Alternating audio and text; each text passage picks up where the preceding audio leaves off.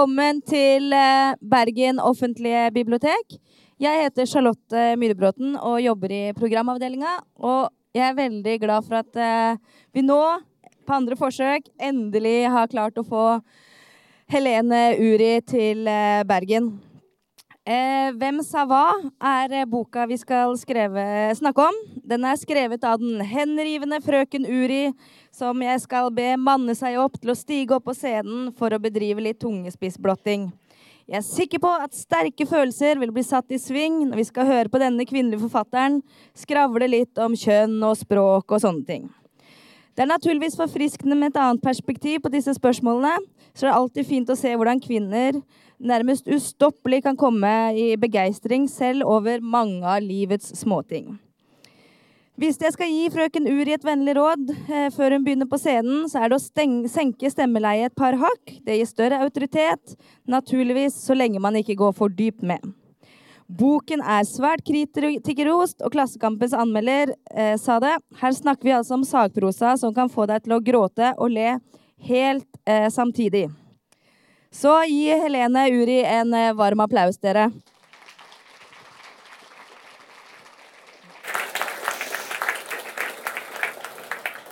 Denne innledningen har min eh, gode kollega eh, skrevet for meg.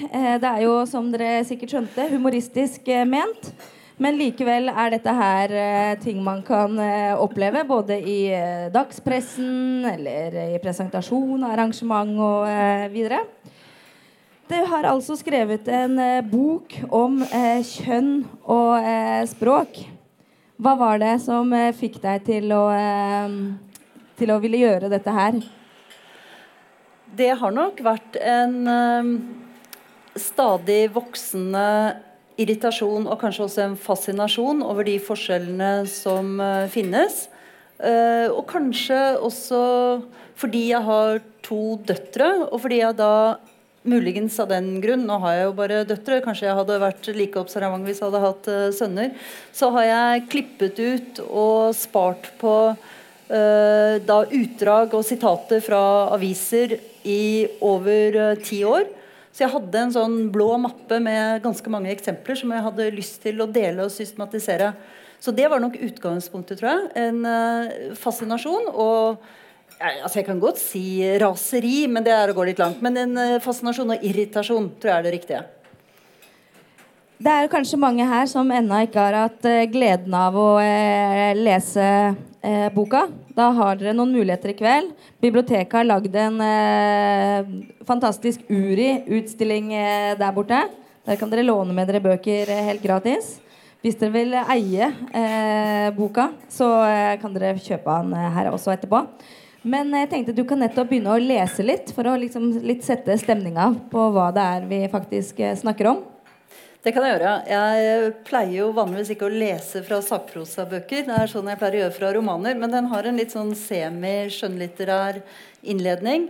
Eh, hvor utgangspunktet er eh, filosofen eh, Ludvig Wittgenstein som sammenligner språket med en gammel by. Det er et bilde jeg liker. En by er en labyrint av trange gater og plasser, av nye og eldgamle hus side om side. Og i utkanten ligger boligfelter med rette veier og likeartede hus. Min by er også sånn, en blanding av gammelt og nytt, slik språket mitt er. Gatene rundt der jeg bor, er alle oppkalt etter døde menn. Malere, statsmenn, en numismatiker, en prest, en arkitekt. På vei til butikken passerer jeg en byste av en kjent mannlig maler. Litt lenger opp i gaten står en skulptur av en naken, navnløs kvinne. Akkurat som i byen er det mange menn i språket mitt. Nordmann, mannskap, manne seg opp, ha baller og seierherre.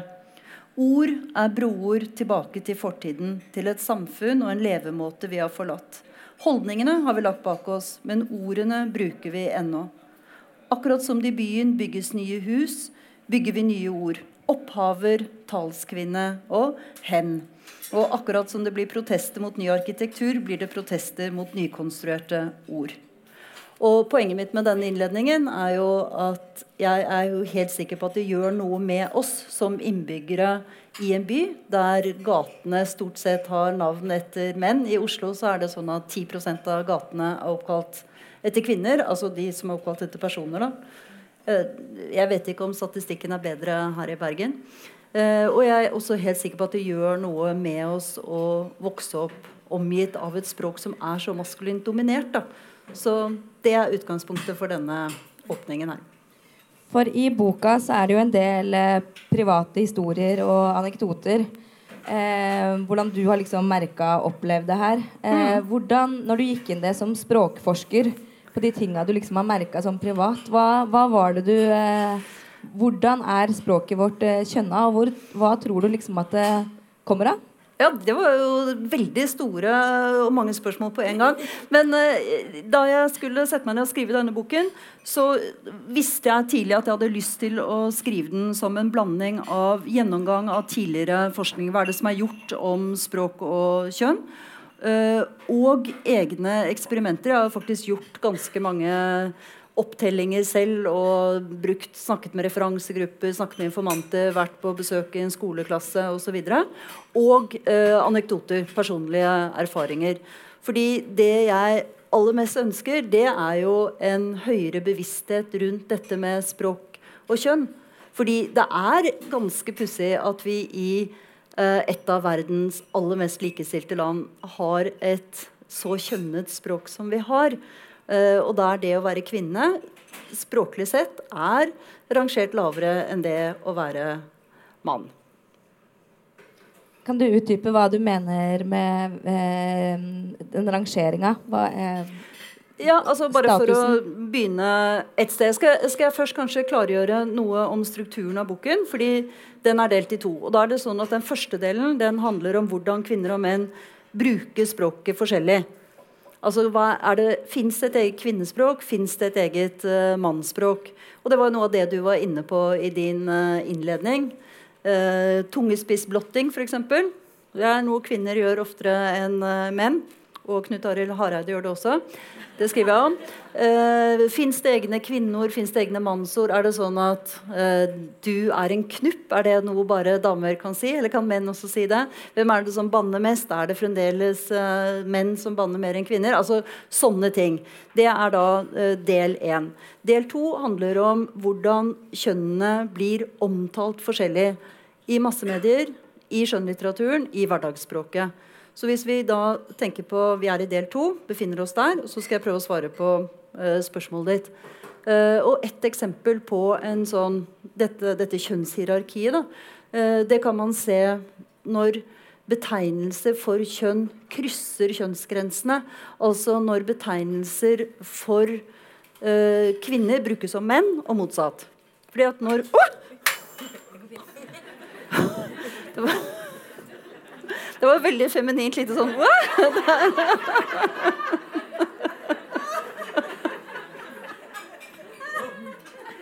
Jeg tror ingen mann hadde kommet på akkurat det utbruddet, da.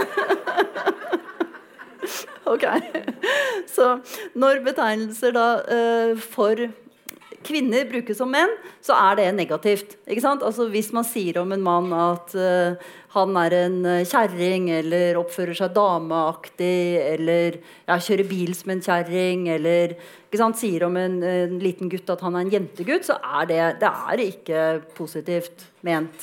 Uh, og jeg siterer en av mine Facebook-venninner, som da la ut følgende statusoppdatering.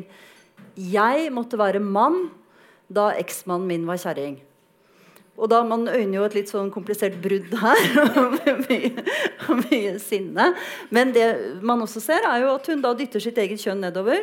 Og da denne mannen som hun åpenbart er sint på, eh, hans kjønn oppover. Jeg måtte være mann da min eksmann var eh, kjerring. Eh, og motsatt så ser vi at når da betegnelser for menn brukes om oss kvinner, så er det faktisk ment som komplimenter. Altså vi, som du sa i innledningen, vi manner oss opp, vi har hår på brøstet, vi tar på bukser. Vi viser hvem som er mannfolket vi, ikke sant, i, i, forholdet. Eller det å være en guttejente er jo noe som positivt. man bruker positivt. Ja, ja. Um, og jeg siterer også Petter Stordalen, som skryter av kona Gunhild i Dagbladet. Og da uttaler Petter Stordalen uh, Gunhild er på mange måter mannen i forholdet. Hun er den som reiser rundt og vil redde verden. Og det er jo da tydeligvis et, det aller beste komplimentet en mann kan gi til en kvinne. Det er jo da er på mange måter mannen i forholdet. ikke sant? Og motsatt. altså Veldig rart hvis Gunhild skulle sagt om Petter Ja, Petter er på mange måter damen i forholdet. Det det vil jo ikke bli oppfattet som en kompliment. Og dette viser jo at vi har et sånt ubevisst kjønnshierarki som vi, mange av oss ikke tenker over. Så Men, det var bare ett sted for å begynne seg. Men eh, tenker du dette her er et eh, språklig hierarki eh, som, vi, som henger igjen i språket, og at virkeligheten egentlig har blitt bedre? Eller speiler dette på en måte kvinner og menns eh, status i samfunnet? Ja, så Svaret på det er vel begge deler. Og dette har jo ikke jeg noe bedre svar på enn dere. Jeg er jo bare språkviter og forfatter. Men, men eh, det er jo helt klart at språket på veldig mange måter er en slags fryseboks. Hvor man da bevarer eh, ord som speiler holdninger som man har forlatt.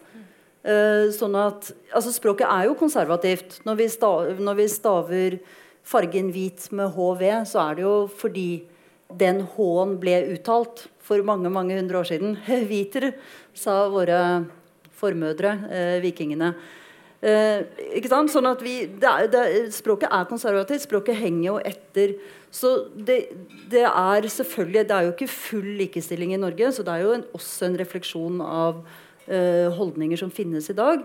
Men ikke, det, ikke i den grad som vi ser i språket. Så, eh, og jeg leste Det sto en kronikk i eh, Klassekampen for tre-fire dager siden, som kanskje noen dere leser, som handlet om norskfaget. Jeg syns den var interessant, som handlet om bokmål og nynorsk. Og ja, Det var for så vidt ikke poenget, men det handlet om hovedmål og sidemål. Kvinnelig lektor som skrev. Og hun endte da kronikken med at dette må noen med baller ta opp med regjeringen eller med politikerne. Og det er jo litt sånn hvorfor er hvorfor, Jeg tror jo at hun Det er helt ubevisst at hun skriver det.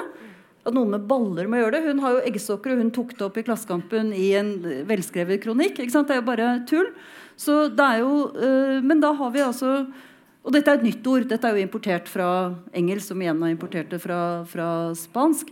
Uh, men det er jo en, da, en kobling mellom mot og maskulinitet, og mellom da femininitet og feighet.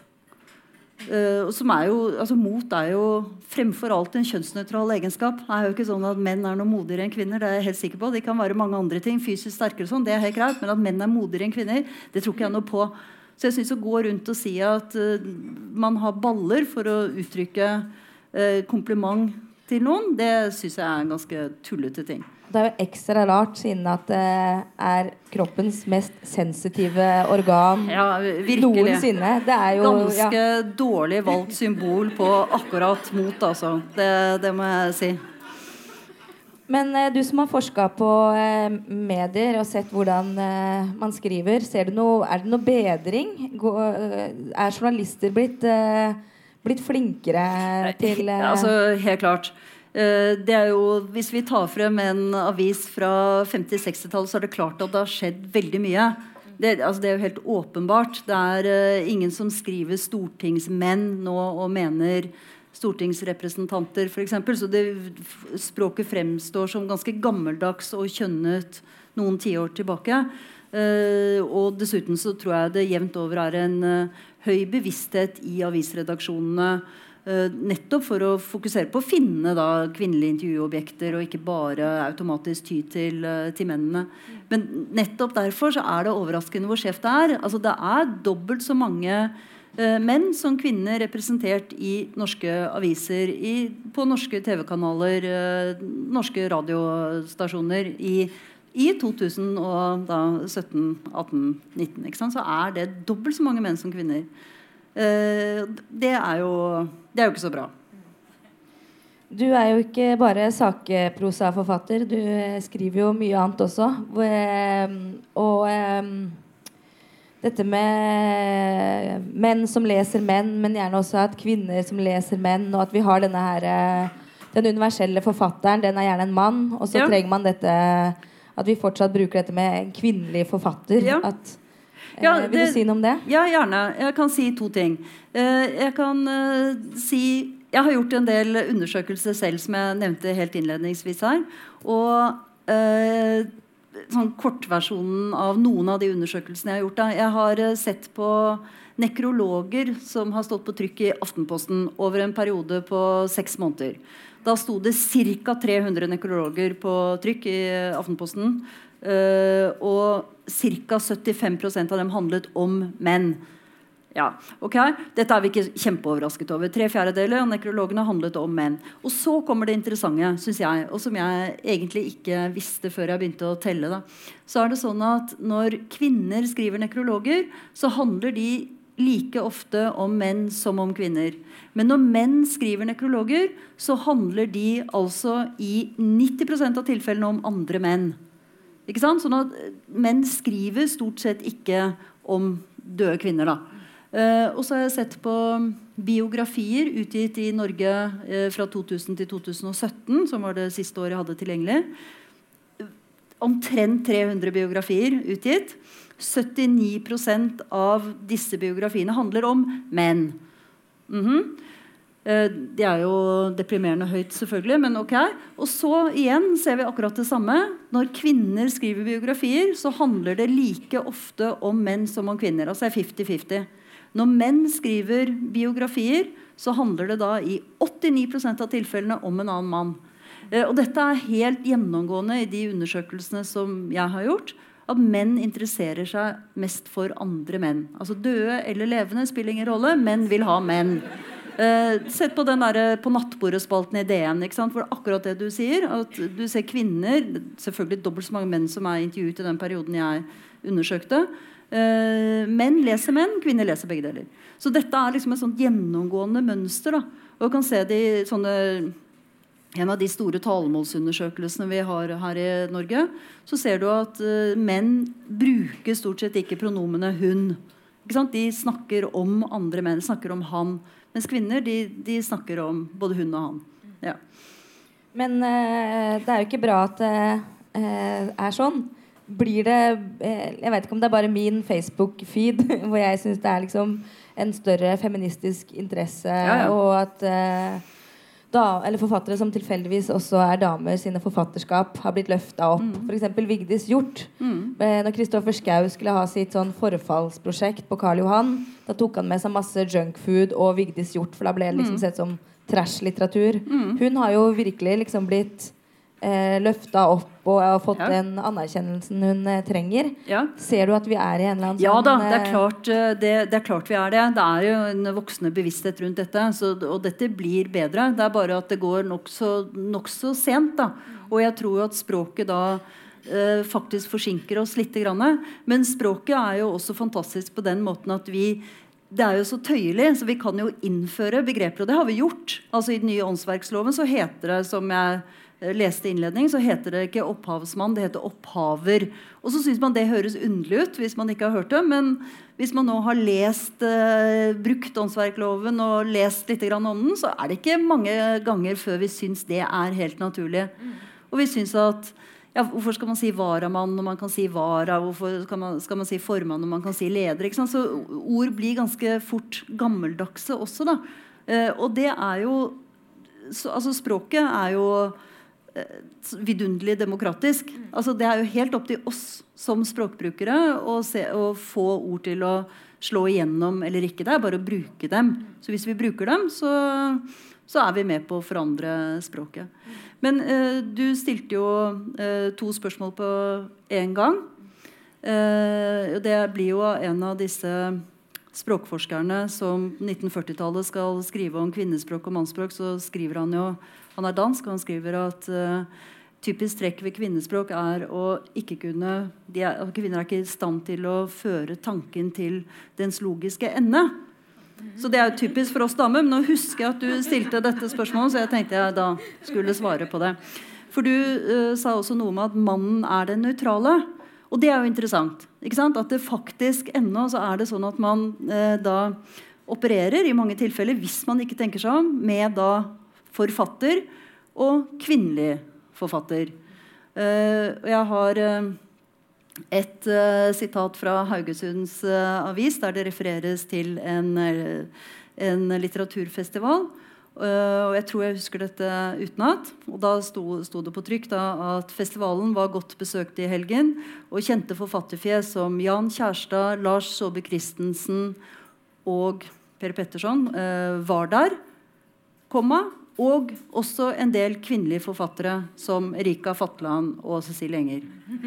Og det er klart, Den er jo ikke så pen. Uh, dette er 2017. Dette ble jo løftet frem. Det er jo derfor jeg uh, har plukket det uh, med meg. Det var, ble gjort narr av på Facebook, og journalisten unnskyldte seg jo og skrev det gikk litt fort i svingene. Beklager. Men poenget er jo at han kommer jo faktisk ikke unna at han mentalt har kategorisert norske forfattere i en sånn viktig kategori, en hovedkategori, og så en litt mindre eh, sub, viktig subkategori. Og en del kvinnelige forfattere. Og dette ser vi hele tiden. Aftenposten eh, skrev i fjor om en bilulykke. Eh, og da skriver journalisten om sjåføren og den kvinnelige sjåføren. Som om, vi, som det liksom er så revolusjonerende at vi, at vi kjører bil, da. Ja. Så, så, det er, eh, Og dette står jo ikke i altså Dette er jo ikke overensstemmelse med statistikk og virkelighet i det hele tatt. Fremdeles så er det sånn at legen i norske aviser, i norske bøker Hvis ikke det står, det står legen, så er det en mann. Og er det en kvinne, så står det veldig ofte den kvinnelige legen. Og av praktiserende leger i Norge i dag så er det akkurat halvparten uh, av menn, halvparten kvinner. Uh, min eldste datter ble ferdig lege nå til jul. Uh, og på hennes kull på Universitetet i Oslo var det 70% jenter. Likevel så fortsetter da f.eks. For Gyllendal, mitt forlag, utgi en bok der det står 'legen og den kvinnelige assistenten'. Og legen er da en mann. For det, det, er jo helt greit å operere med kvinnelig og mannlig, men da må det være symmetri. Da må man si den mannlige legen og den kvinnelige assistenten. Kan ikke si legen og den kvinnelige assistenten. Altså, det blir helt meningsløst. Så, så, og dette smetter altså igjennom fordi antagelig helt, uh, helt ubevisst. To bedragerimistenkte i Aftenposten omtalt som legen og den psykologiutdannede kvinnen. Og Så leser man videre, og så er det da altså en kvinne og en mann. Så Og også interessant, Dette er en sånn ting som jeg bare tilfeldigvis snublet over, og så begynte jeg å undersøke det systematisk. Uh, I den grad det er mulig. Da. For jeg, uh, jeg, jeg, så, jeg, overtok den språkspalten til Per Egil Hegge i Aftenposten for litt over et år siden.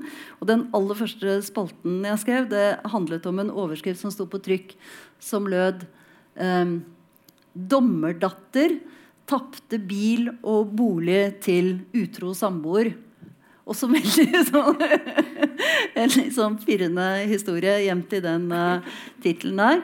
Men uh, altså, en gang til. Utro samboer Skal vi se, sånn var det. Utro samboer tapte bil og bolig til dommerdatter. Sånn var det.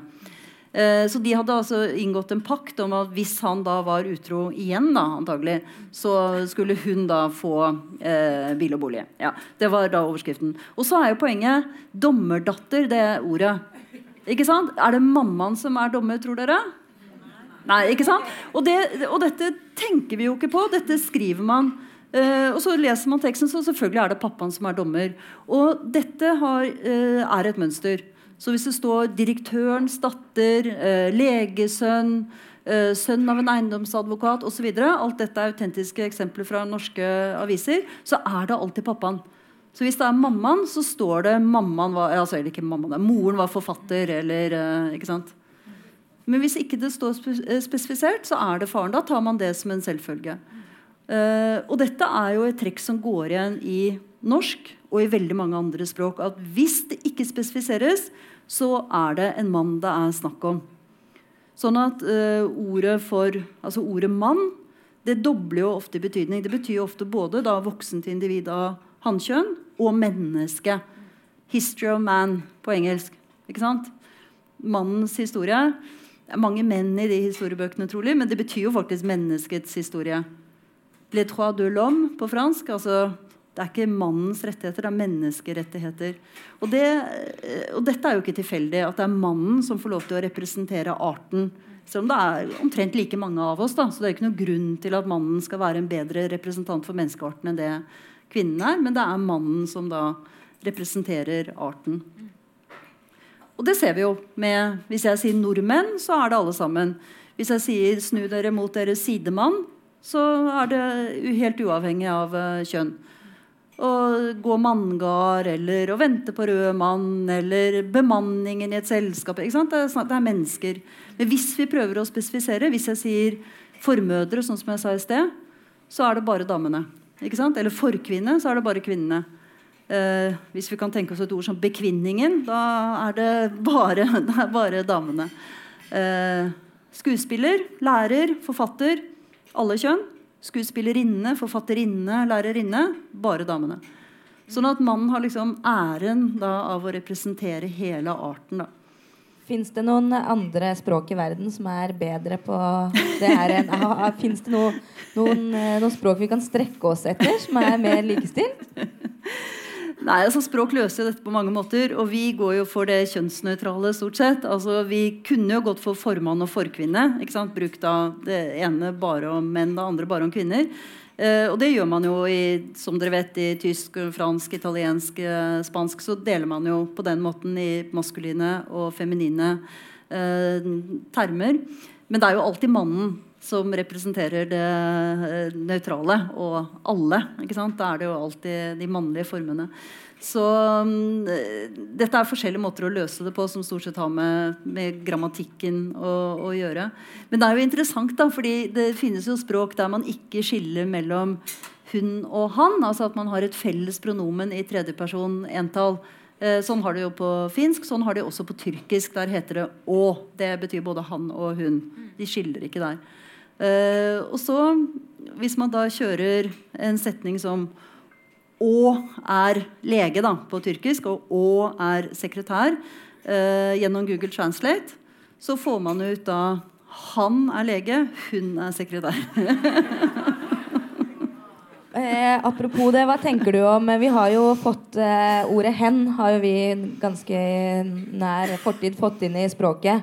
Og da blei det jo litt sånn debatt at det var sånn svensk eh, PK-påvirkning, eh, og at det var liksom eh, ja, smålig og barnslig.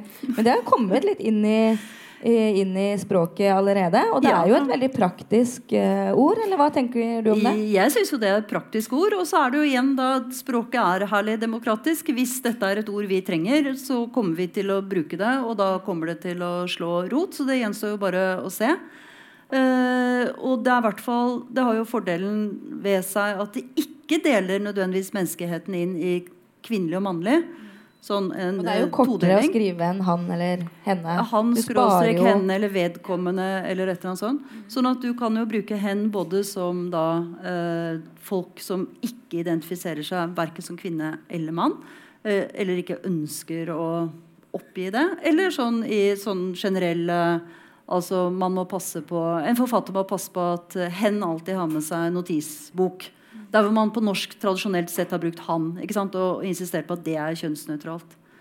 Jeg har jo et fantastisk sitat fra 70-tallet.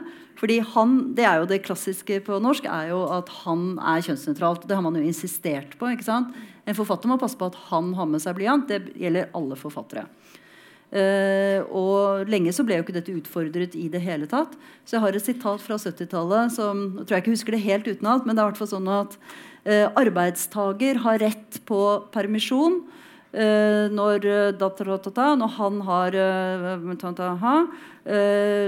har sant, vært tre måneder i arbeid. Og så kommer det 'i forbindelse med svangerskap og fødsel'. Og det, så, så, da har man altså virkelig tenkt at ja, han det er kjønnsnøytral, så det kan vi også bruke i en lovtekst som handler om da arbeidstaker rett på permisjon i forbindelse med fødsel og svangerskap. Så det er 70-tallet. Og det er klart, den ville, ikke, vil vi ikke godtatt uh, i dag.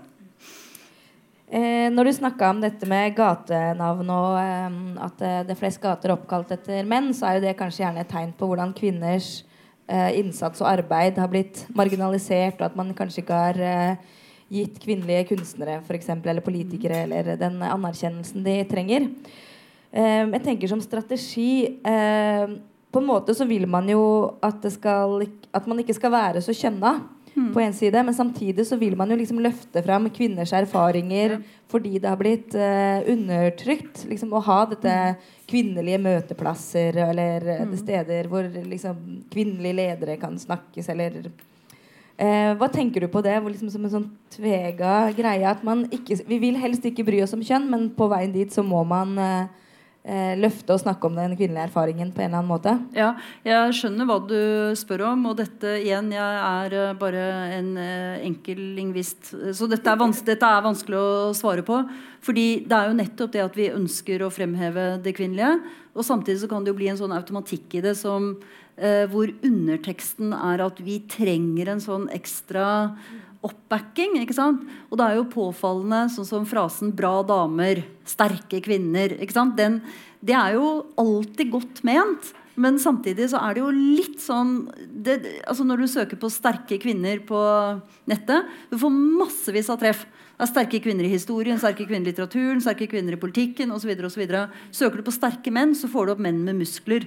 Sånn, og det er jo fordi man liksom tenker at vi trenger en, en, oppbacking. Så man skal jo være forsiktig med å hele tiden fremheve det kvinnelige der det ikke er nødvendig.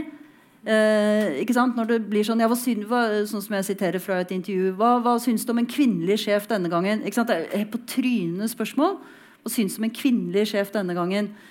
Kunne jo, ikke sant? Hva syns du om den nye sjefen? Og du har aldri spurt hva syns du om en mannlig sjef. Så, så, av og til så trenger man ikke å fremheve kjønn på død og liv. Og det blir litt sånn som eh, Jeg husker da mine barn gikk i barnehagen. Så var det sånn jentedag hvor det var sånn 'Jenter kan'. Og det er klart at Underteksten da er jo at de, jenter trenger en egen dag hvor de viser at de kan. Og det tror jeg jo veldig mange jenter i barnehagen ikke har tenkt på at de i motsetning til guttene trenger en egen jentedag. Ikke sant? Så man skal hele tiden passe seg litt da, og stoppe i tide. Uh, men det er jo uh, Da mammaen min begynte på NTH for å studere og bli ingeniør uh, Og da snakker vi om 1949 kanskje, eller 1950, eller sånt, så var jo hun og de syv andre kvinnelige uh, studentene de var jo på forsiden av Adressa. Og det er klart, det er jo, det er jo kjempefint. Da begynte jo mange hundre ingeniørstudenter. Og det var da syv som var uh, kvinner. Og da er det jo på sin plass. Men nå må vi slutte å snakke om lege og kvinnelig lege og ingeniør og kvinnelig ingeniør. Så på et eller annet tidspunkt så må man slutte å eksotisere. Ikke sant? Man må slutte å fremheve kjønn der det ikke er nødvendig. Så det er hvert fall igjen, vi trenger en bevissthet rundt dette her. da. Eh, jeg liker jo å tenke på meg selv som en som er eh, litt bevisst på det, siden man har vært feministmann. Jeg har vært eh, eh, feminist i mange år og sånn, men fortsatt er det sånn hvis jeg sparker foten min borti liksom, en stol og får vondt, så blir det veldig fort det kvinnelige kjønnsorgan for eksempel, som blir det jeg roper ah. i raseri. Og så prøver jeg sånn Nei, sånn kan det jo ikke være. Eh, og det er jo lett at man kan skrive feil, og man bruker liksom Man går i noen av disse språkfellene. Har du noe Du som er liksom Norges mest eh, bevisste når det kommer til eh, kjønnsstrukturer i, i språket. Eh, hvordan kan vi bli bedre? Altså, det, er jo, det er jo rett og slett bare å tenke over det og tenke er dette kjønnet, og trenger vi å være kjønnet her? Og det er jo ikke sånn at jeg ønsker å presentere noe sånn fasit uh, på verken det ene eller det andre, men jeg bare ønsker at vi skal få en annen bevissthet rundt det. Og jeg syns jo det er ganske jeg synes jo det er paradoksalt at vi har en så sterk eh, bevissthet rundt rasistisk språkbruk i dette landet. For det har vi jo. Det betyr jo ikke at det ikke forekommer rasistisk språk. Det vet vi jo, det forekommer jo dessverre ofte. Men jeg tror ikke det er noen i dette landet som har gått glipp av at valg av ord betyr noe. Og at ikke det er helt likegyldig om man bruker det ene eller det andre ordet. Det vet alle. Men når det gjelder kjønnet språk, så er bevisstheten ganske lav. Så jeg ønsker bare at vi skal tenke oss om. Før vi da tyr til uh, å si f.eks. at Wow, du har baller, Helene. For det har jeg ikke, og jeg har ikke noe lyst til å ha det. Og jeg klarer fint å være modig uten å ha det. Ikke sant? Så, og du snakket om Vigdis Hjorth og eh, hvordan hun har virkelig slått gjennom og er en mye omtalt forfatter. Altså, det var en sånn fantastisk artikkel om henne i A-magasinet for kanskje et år siden. Uh, hvor overskriften var noe sånt noe som Vigdis Hjorth har gått fra å være kvinneforfatter til å bli suksessforfatter. Som også er litt sånn uh, Ja. og dette var altså en veldig fin, lesverdig, rosende artikkel. Med helt sløv overskrift. ikke sant?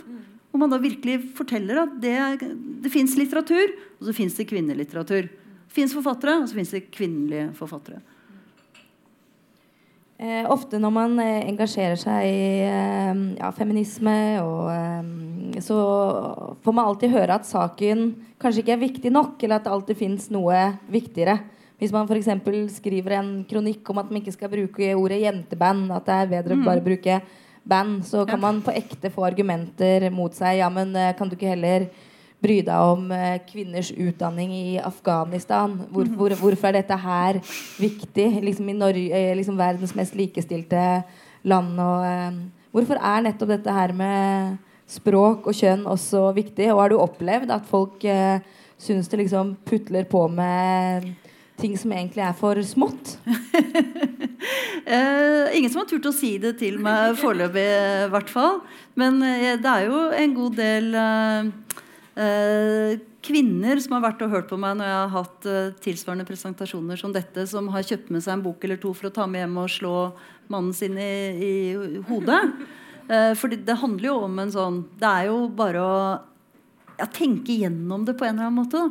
Men eh, et eksempel som man da kan kontre med, hvis man kommer med dette argumentet at det fins så mange andre viktige ting som man heller kunne drive med, Eh, da går det an å referere til en undersøkelse som viser at hvis man står i et klasserom og snakker om yrkes, uh, altså yrke politimann, bruker det maskuline betegnelsen og forteller om da arbeidsdagen til en politimann, og etterpå spør barna i klassen om de kunne tenke seg at dette er et yrke som de kunne tenke seg, så vil jentene anse det som helt irrelevant, mens guttene vil da vil det alltid være noen som ja, kanskje det kunne vært litt kult å bli politimann.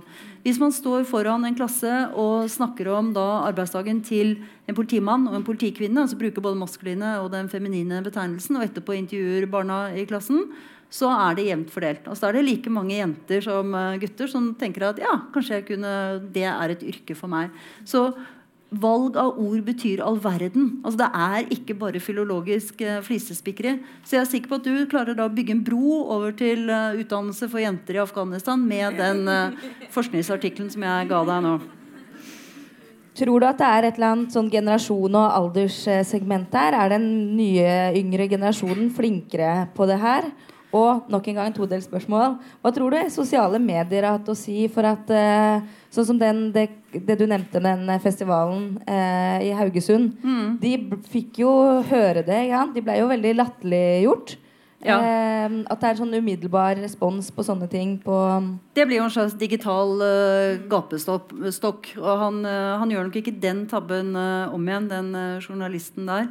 Eh, nei, jeg har ikke noe inntrykk av at det er noe høyere bevissthet egentlig eh, blant yngre. Jeg tror det er noe av det samme som man kan se med eh, kjønnskamp og feminisme i, i, det hele tatt. Men jeg er enig med deg at nå er det en oppblomstring, en ganske nylig oppblomstring. Med mye bøker og nyutgivelser i, i Norge. Men uh, mitt inntrykk er jo at mange tenker at den kvinnekampen den var, det var noe som ble utkjempet på 70-tallet, og nå er det over, og nå er jo alt så likestilt, og er ikke det fint, og nå må dere slutte, og sånn. Uh, og det er jo også en språkbruk i norske skolegårder som faktisk ikke fantes i de skolegårdene jeg har oppholdt meg. Altså det å bli kalt for hore og sløtt og altså Det ble ikke vi i, i vår tid. Og da jeg var russ, var det ingen som uh, presenterte sånne russesanger med de tekstene som, som, vi leser om i dag. Så det er nok en sånn uh, Det har vært en sånn pressing av grenser som du får inn. Det er jo kunstens oppgave, det å presse på uh, grensene. Men de har nok vært presset litt i retning av sånn det har, det har, gått litt gal vei også, da. Samtidig som det selvfølgelig har gått veldig fremover. Hvordan er du eh, For på ikke snakke om todeling i sånne leketøysbutikker. Altså, hallo! Da, altså, før så var jo lekene kjønnsnøytrale på en he Ikke helt, kanskje, men i hvert fall mye mer enn det de er i dag. I dag blir man jo helt Nå kommer inn inn sånne lekebutikker med da en rosa og en sånn eh, svart eh, avdeling. Det er kjemperart. Ja. Og da er jo det å eh, Når det kommer til jenter, det å gi en jente kjønnsnøytralt er liksom i henne blått og Ja. grønt og sånt noe, men du ser jo aldri en gutt kan aldri ha på seg en eh, rosa lue. Da, da, da går du liksom Da er du ekstrem. Ja, og det, og det viser jo det kjønnshierarkiet også. ikke sant? At det å for jenter å da entre de maskuline barrierene, kjempekult. For en gutt å entre de feminine, ikke så kult. Og det viser jo igjen dette at vi er ganske sauset inn i dette kjønnshierarkiet uansett om vi vil eller ikke.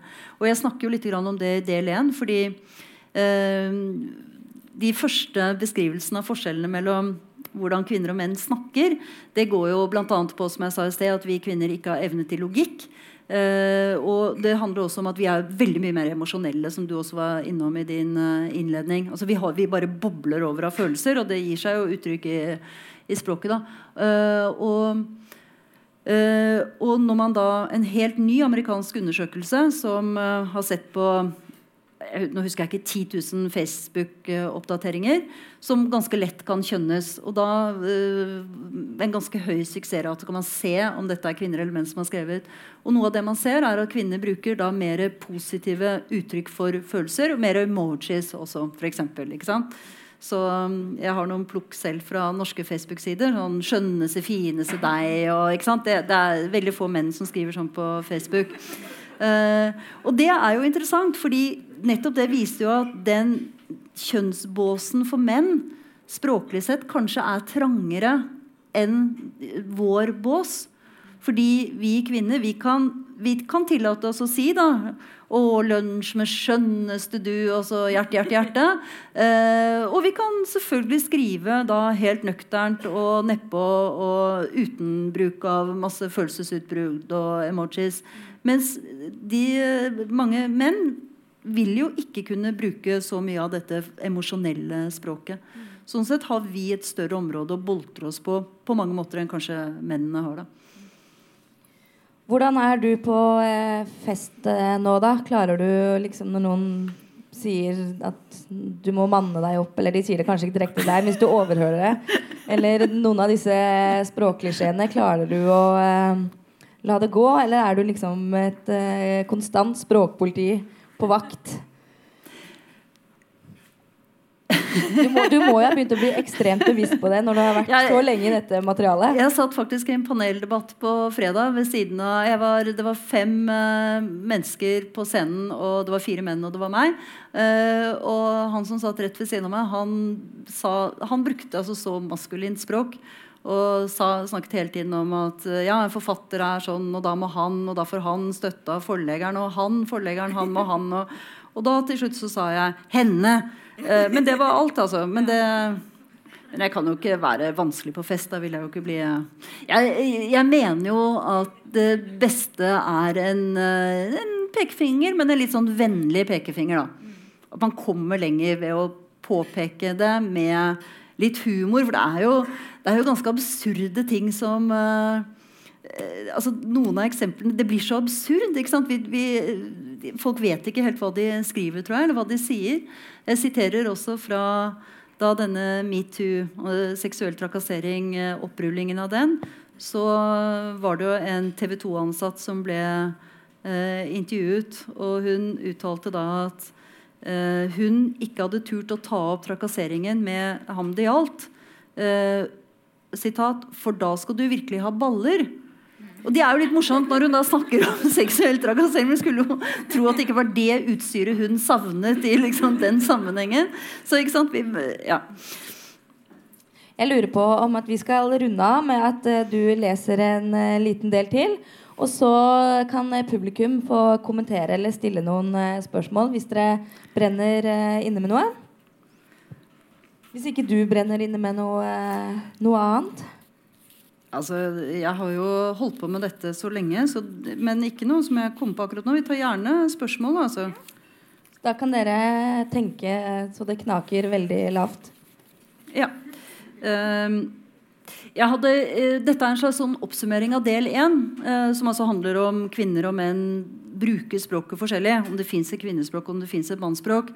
Og jeg konkluderer jo egentlig med at forskjellene kan være like store mellom gruppene som uh, Jeg mener innad i gruppene som mellom gruppene. For det er mye individuelle forskjeller. Det er ikke sånn at Alle damer snakker på en måte, og alle menn snakker på en måte. Absolutt ikke. Og det er vanskelig å påpeke sånne ordentlige sånn, Det er de store forskjellene. Selv om noen forskjeller går det an å, å påpeke. Uh, og den, jeg tror at Hvis jeg skulle oppsummert del én, så er det slik at vi kvinner er mer tydelige når vi lytter, og vi er flinkere til å stille for oppfølgingsspørsmål. Fortell til pappa hva du gjorde i barnehagen i dag. Eller la oss si at man får utdelt en, en bordkavaler. Og da er vi veldig flinke til å si sånn Ja, fortell mer om det prosjektet. Å, så interessant. Jaså. Mm, og vi lytter også mye tydeligere. Vi er mye mer sånn mm, ja, ja, sier vi. Mens menn de lytter mye mindre tydelig, har mye mindre mimikk, kommer mye mindre tilbakekoblingssignaler, som det heter. Eh, hvilket jo av og til fører til at vi damer blir litt sånn Hallo, hører du at jeg snakker til deg? Ja. Eh, og det er en eh, språkforsker som har sagt at kvinnens rolle, den typiske kvinnerollen i en samtale, det er uh, at hun utfører the donkey work. altså Hun utfører eselarbeidet. Det er det tunge arbeidet. Det er hun som hele tiden får den andre parten til å snakke. En sånn talkshow-vert-stil, som jeg har uh, kalt det. Og det er kan vi si, er typisk kvinner. Men samtidig så er jo dette absolutt en språkstil som er til fullstendig fri avbenyttelse for alle kjønn. Og skal du være en vellykket talkshow, så, talkshow-vert, så, så, bruker du jo den uansett uh, kjønn. Så jeg hadde egentlig bare lyst til å lese. Dette er et uh, sitat fra en mannlig forfatter, nemlig Frode Grytten. Så det er ikke jeg som har skrevet dette her, men uh, han skriver jeg tror at et menneske ikke bare har eit ansikt. Det har mange. Et menneske er fullt av ansikt. Ofte får du høre at du er en falsk person. Du viser ikke ditt sanne ansikt. Men det tror jeg er feil. Et menneske har en drøss ansikt, og en er heller ikke den samme gjennom hele livet. Ustanselig forandrer et ansikt seg og blir til noe nytt. Og så skriver jeg og sånn er det med språket vårt også. Eh, og det er det jo. Vi bruker jo språket veldig forskjellig i forskjellige situasjoner og avhengig av hvem vi snakker med, og hvor vi er i livet. Mm. Så må jeg bare si at Det var helt fantastisk å høre på deg. Tusen takk for at du kom til Bergen. Tusen takk til dere. Lån boka der borte, eller kom her og kjøp ditt eh, eget eh, eksemplar. Du sitter her kanskje og signerer eh, Klart det. Ja. Klart det. Tusen takk skal dere ha.